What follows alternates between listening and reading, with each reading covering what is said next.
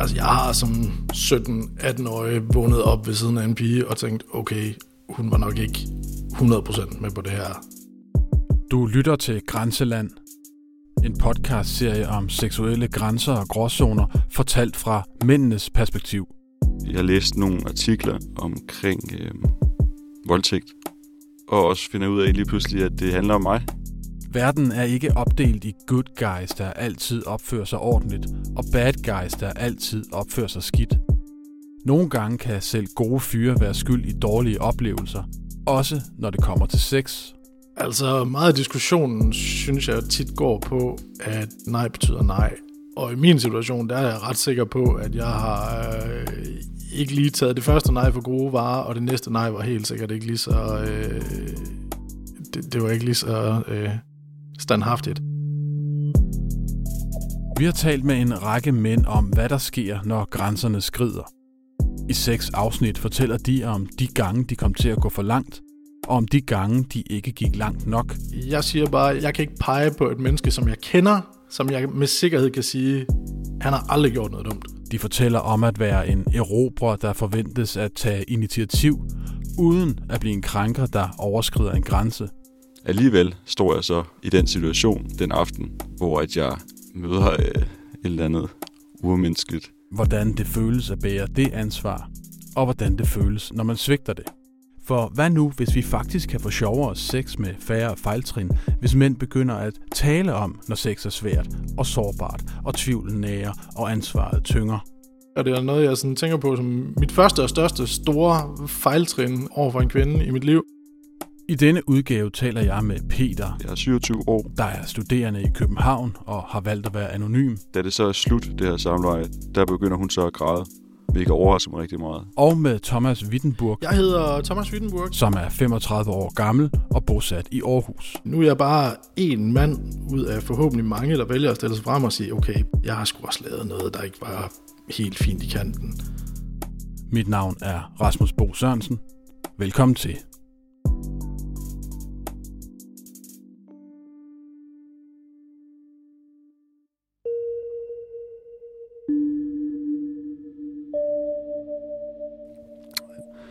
Det er en oplevelse, jeg havde med min øh, daværende kæreste i gymnasiet, som øh, jeg har haft et forhold til i halvandet år.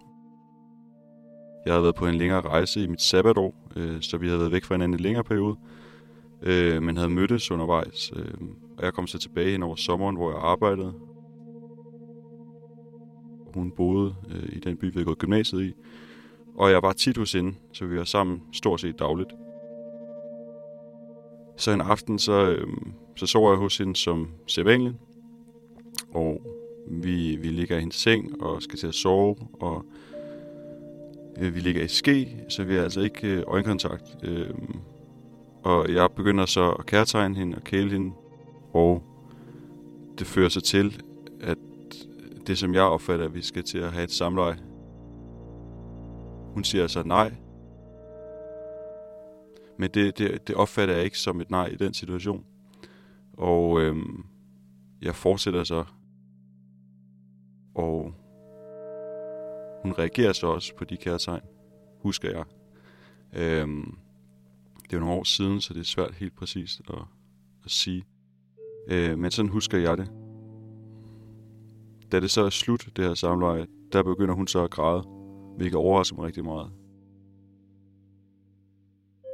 Umiddelbart bliver ramt af en enorm stor øh, flovhed og øh, skyldfølelse, for jeg godt kan mærke, at der er et eller andet her, som er øh, ravruskende galt.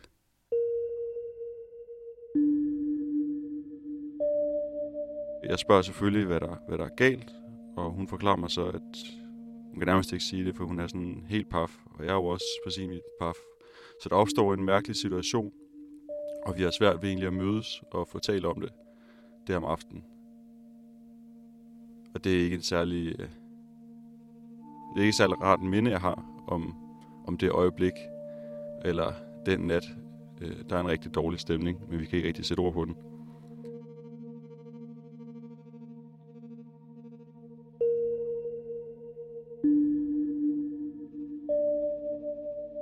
Da vi så vågner om morgenen, øh, forsøger vi at snakke om det igen. Det går bedre.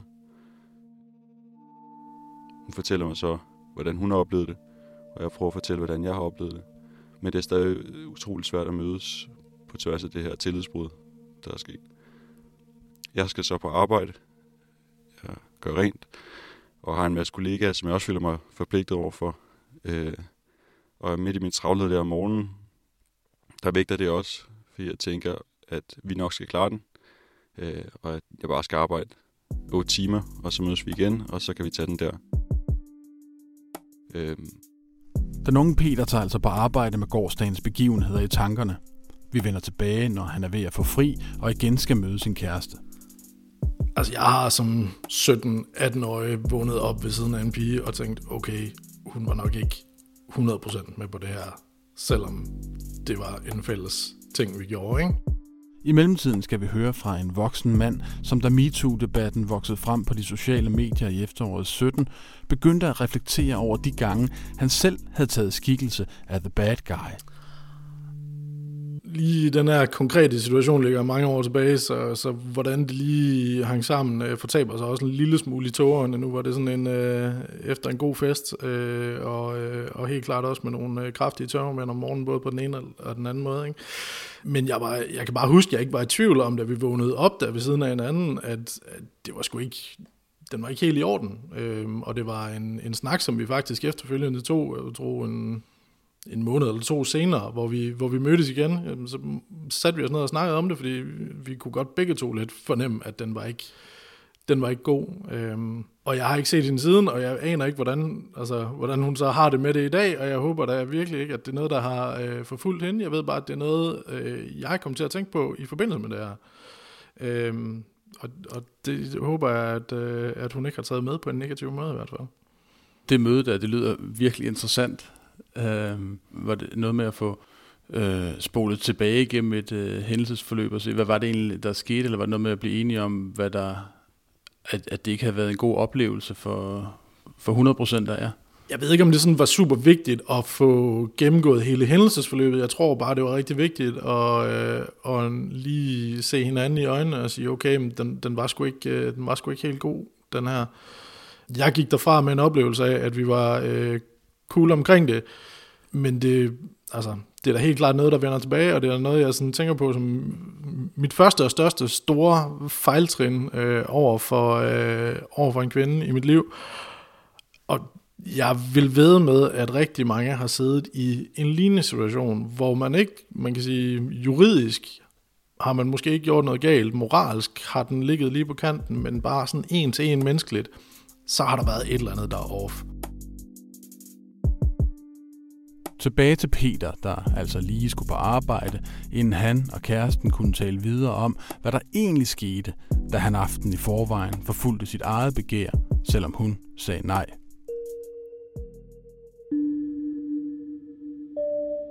Ja, jeg skynder mig så snart jeg er fri der, og har det, er virkelig brødbetynget. Ja, og så får vi snakke om det. En af hendes veninder er på vej. Og der kører også nogle, øh, nogle skrækscenarier i mit hoved, som egentlig dybest set handler om, at jeg er bange for at tabe ansigt socialt. Udover at jeg selvfølgelig er ked af, at jeg har forårsaget den her øh, oplevelse på et eller andet plan.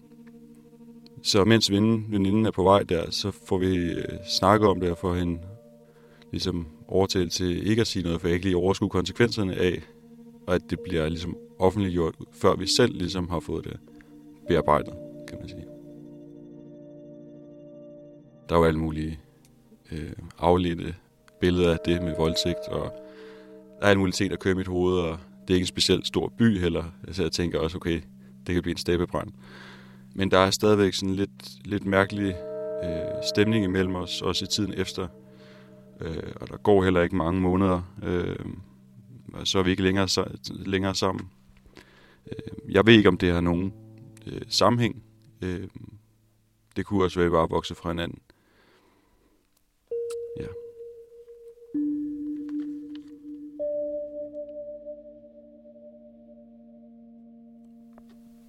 Du sagde, at din kæreste dengang faktisk sagde nej i situationen. Hvorfor tror du, at du overhørte det dengang? Det her spørgsmål har jeg stillet mig selv rigtig mange gange. Ærligt talt kan jeg ikke helt husstillinger. Men jeg forestiller mig, at jeg simpelthen opfattet som en del af den seksuelle akt, altså vores samleje. For jeg husker det ikke som et meget klart nej. Jeg husker det måske mere som et nej, jeg er lidt træt. Hvilket jo også er tilstrækkeligt nej. Men som i andre sammenhænge måske ikke ville have ført til samme tillidsbrud. Fordi hun måske var med på den. Så jeg tror, det er meget kontekstbetonet, eller afhængigt. Altså, hvad er det for en situation, man er i som mennesker? Øh, er der balance i ens forhold? Hvis der havde været balance ved nyforelsket, så havde det her nej måske bare været en del af det være et forhold. Altså et nej i den sammenhæng betyder i hvert fald et nej, og det kan, som, altså det kan jo skyldes af en mulig ting, at, at vi måske ikke helt øh, havde fundet hinanden efter min rejse, eller at jeg havde travlt. Øh. Var du klar over, at den var gal, så at sige? Altså i situationen, eller var det først en oplevelse, der kom til dig i øh, timerne bagefter? Nej, altså, øh, altså i selve akten, der vidste jeg det ikke. Vi havde heller ikke øh, øjenkontakt undervejs, så jeg tror ikke helt, jeg faktisk fornemmede, at det var så gralt. Men så snart, at vi afsluttede det, kan jeg godt fornemme, at der er noget helt ravsende galt i det, at vi ikke mødes, at der er en afstand, og den mærker jeg, og i det øjeblik får jeg det skidt. Så jeg er ret hurtigt klar over det. Var der signaler, som du kunne have været mere øh, opmærksom på, hvis du vidste, at de fandtes?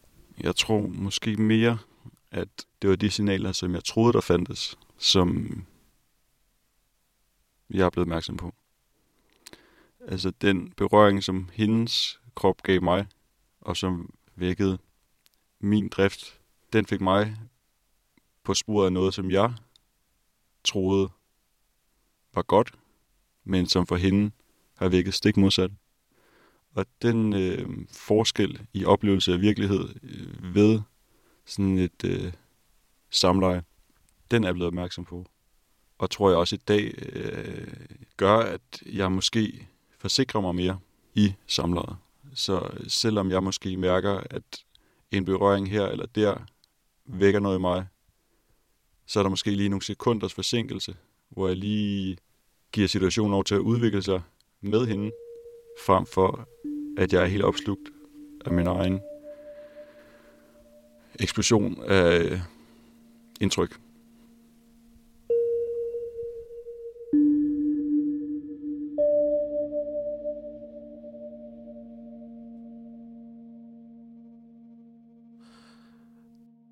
17. oktober, der øh, satte jeg mig ned til tastaturet og forfattede noget, der øh, blev min sandsynligvis mest populære tweets nogensinde. Her er det Thomas Wittenburg igen. Øh, en række af tweets, som var affødt af MeToo-kampagnen. I takt med, at øh, kampagnen ligesom voksede, og der i virkeligheden også opstod en form for mandlig modreaktion, øh, så tænker jeg, at der var nok i virkeligheden behov for et perspektiv, som uden at måske i virkeligheden lægge sig fladt ned på ryggen og sige undskyld, i hvert fald lige nuanceret, hvordan, hvordan situationen egentlig ser ud fra, øh, fra mændenes side. Det startede med, at, øh, at jeg satte med og skrev et, øh, et tweet, som lød, øh, i mine unge dage overtrådte jeg 100% nogle grænser. Øh, jeg fik det dårligt med mig selv hver gang, og nogle gange undskyldte jeg en dag.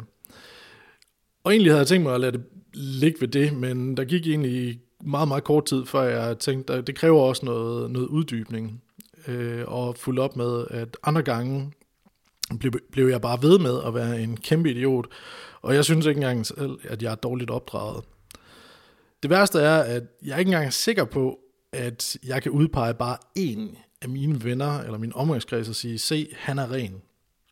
For sandheden er, at jeg ikke tror en skid på, at vi ikke alle sammen har været der på et eller andet tidspunkt. Heldigvis bliver de fleste klogere og bedre mennesker med tiden, men det undskylder ikke for alt det lort, vi godt vidste, vi ikke skulle gøre. Når man øh, hen over et par dage bliver bombarderet med den ene vilde historie efter den anden, så begynder det også på et tidspunkt at sætte sig.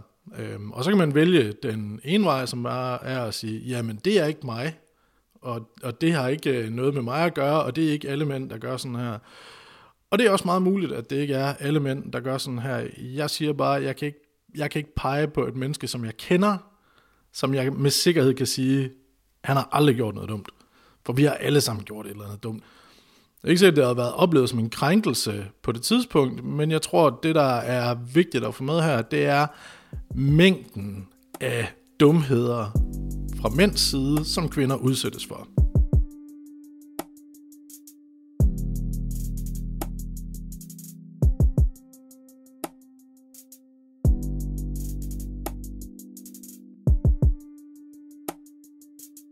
Altså, jeg kan huske, jeg læste nogle artikler omkring øh, voldtægt for nogle år tilbage, øh, hvor jeg sidder og læser med stor nysgerrighed.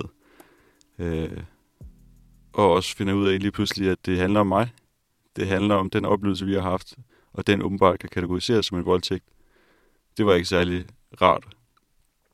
Øh, og det har helt sikkert højnet mit alarmberedskab over for de der impulser, som jeg beskrev før fordi at jeg lige pludselig ved, hvornår jeg bevæger mig ind i et felt, hvor jorden er giftig, hvor jeg skal træde varsomt. Ekstra varsomt.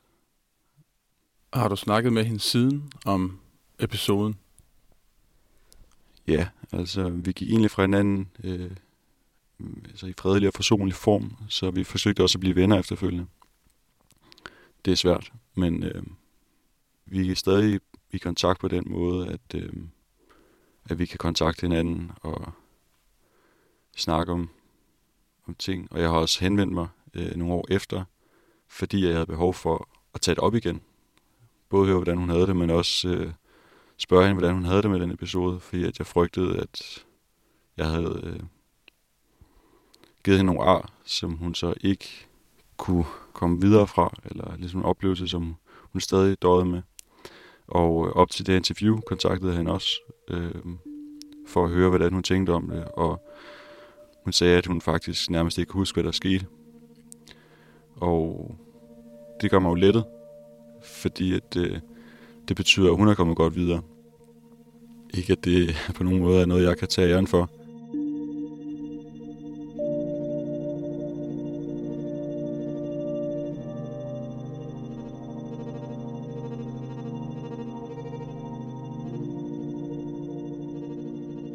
Jeg skammer mig mindre nu. Det er også derfor, jeg kan snakke om det. Øh, fordi at jeg også øh, både har fortalt det til venner og veninder, og fået øh, afkræftet, at jeg er en dæmon. jeg er øh, kendt som en rolig fyr, en øh, sympatisk fyr, en intelligent fyr, og øh, nok på ingen måde en fyr, som folk vil mistænke for at få ulempe kvinder. Derfor så øh, stræd det imod min selvopfattelse, men nok også den selvopfattelse, som jeg forestillede mig, eller den opfattelse, jeg forestillede mig andre vil have af mig. Og det synes jeg også er et vigtigt budskab, altså at øh, på trods af, at jeg på mange måder er opdraget med meget sunde værdier, hvad angår øh, ligestilling og køn, jeg er opvokset med primært en mor og nogle søstre, øh, og på den måde har fået stor forståelse for, for hvilke problemer eller hvilke udfordringer der kan være som kvinde øh, i moderne samfund. Øh, alligevel står jeg så i den situation den aften, hvor at jeg af en eller anden grund møder øh, et eller andet urmenneskeligt, som jeg ikke bryder mig om, som jeg ikke er stolt af, men som blusser op i mig. Vil du selv karakterisere den oplevelse, du havde dengang, som en voldtægt? Det vil jeg, da jeg læste artiklerne. Men øh, det vil jeg nok ikke nu fordi jeg synes, det er en meget øh, udfordrende kategori at blive slået i hardcore med. Det er en meget ubehagelig kategori, at få, eller markat at få sat på sig. Voldtægtsmand. Øh, det er ikke noget at skrive på mit CV i hvert fald. Jeg vil hellere sige, at, at jeg, jeg var ung mand, uden større seksuelle erfaringer, som havde svært ved at styre mig selv, tøjle min drift, og det kom desværre til at gå ud over min ekskæreste, som heldigvis ikke i dag er mærket af det.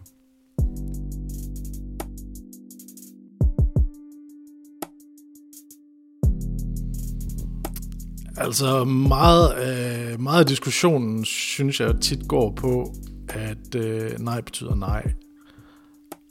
Og i min situation, der er jeg ret sikker på, at jeg har øh, ikke lige taget det første nej for gode varer, og det næste nej var helt sikkert ikke lige så, øh, det, det var ikke lige så øh, standhaftigt. Øh, hvis jeg skal spole frem til i dag, og hvordan jeg vil reagere på den samme situation, så øh, håber jeg i hvert fald, at jeg vil, øh, vil tage det nej som et nej. Problemet er jo også nogle gange, at man, man aner ikke, hvordan man reagerer, før man står i en situation. Så, så jeg kan da også godt frygte, at hvis jeg stod i præcis den samme situation igen, at jeg så bare ville tænke, åh, for fanden, nu er vi jo lige i gang. Øh, og så lad os da bare, lad os da bare køre på. Jeg håber, jeg håber sgu, at, øh, at jeg er blevet så klog nu, at, øh, at jeg tager det nej for et nej.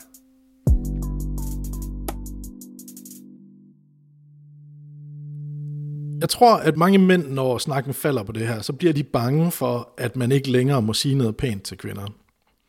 Hvis jeg kigger på nogle af de øh, artikler, blogindlæg og så videre, jeg har læst i kølvandet på hele den her MeToo-kampagne, så bliver jeg sådan overrasket over, hvor mange der egentlig sidder derude, der lige pludselig føler sig øh, kudet, fordi at de nu ikke længere må øh, komplimentere en kvinde, eller sige, ej, pæn kjole, eller gå hen til en på en bar og sige, hey, øh, du ser sgu dejlig ud, må jeg ikke øh, byde på en drink?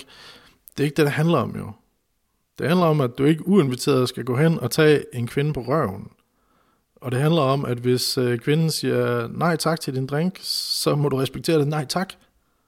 Længere er den jo ikke. Det handler jo ikke om, at vi ikke øh, må øh, begære andre, eller øh, have lov til at øh, danse fragt ned i byen. Det handler fandme bare om en eller anden form for gensidig respekt. Som når jeg læser nogle af de her indlæg, jeg, jeg, simpelthen ikke, altså, jeg simpelthen ikke forstår, hvor de har lagt henne. Hvor forsvandt respekten hen? Fordi det handler ikke... Øh, dybest set, så alt det her handler jo ikke om mig.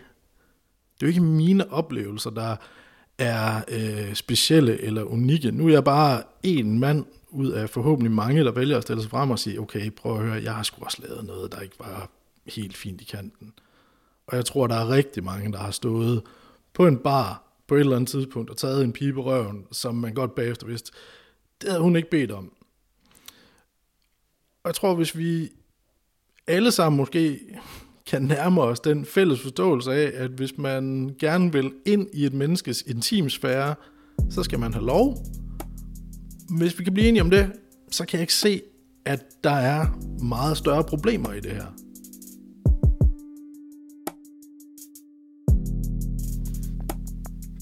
Hvad vil du gerne have, at der kommer ud af, at du deler den historie? Jeg håber, at øh, unge mennesker får nogle gode oplevelser. Nogle gode første oplevelser med det at være i forhold. Hvor at de ikke oplever, at de træder ved siden af på en måde, som skader andre. Og jeg håber, at man kan mødes. Altså, jeg håber virkelig, at, øh, at der kommer en større forståelse for både kvinders seksualitet, men også mænds seksualitet. Det håber jeg. Jeg tror oven i alt det her MeToo, og nok i virkeligheden også lidt mine egne refleksioner om, hvad, hvad jeg har gjort, og hvordan jeg har været tidligere. Jeg kigger ud på det her landskab, og så tænker jeg, at det første, jeg har lyst til, det er at lære min datter selvforsvar. Og det næste, jeg har lyst til, det er at lære hende at stå fast på sit nej. Og det tredje, jeg har lyst til, det er at flække fyrene en i skallen, hvis de ikke forstår det.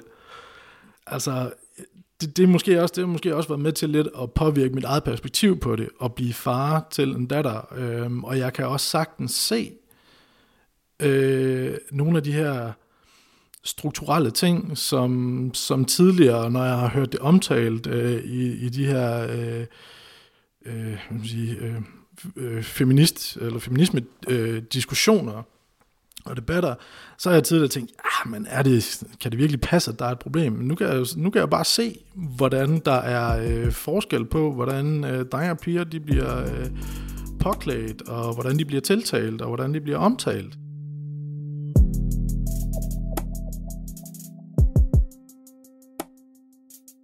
Du har lyttet til Grænseland, En podcastserie fra Information om seksuelle grænser og gråzoner, fortalt fra mændenes perspektiv.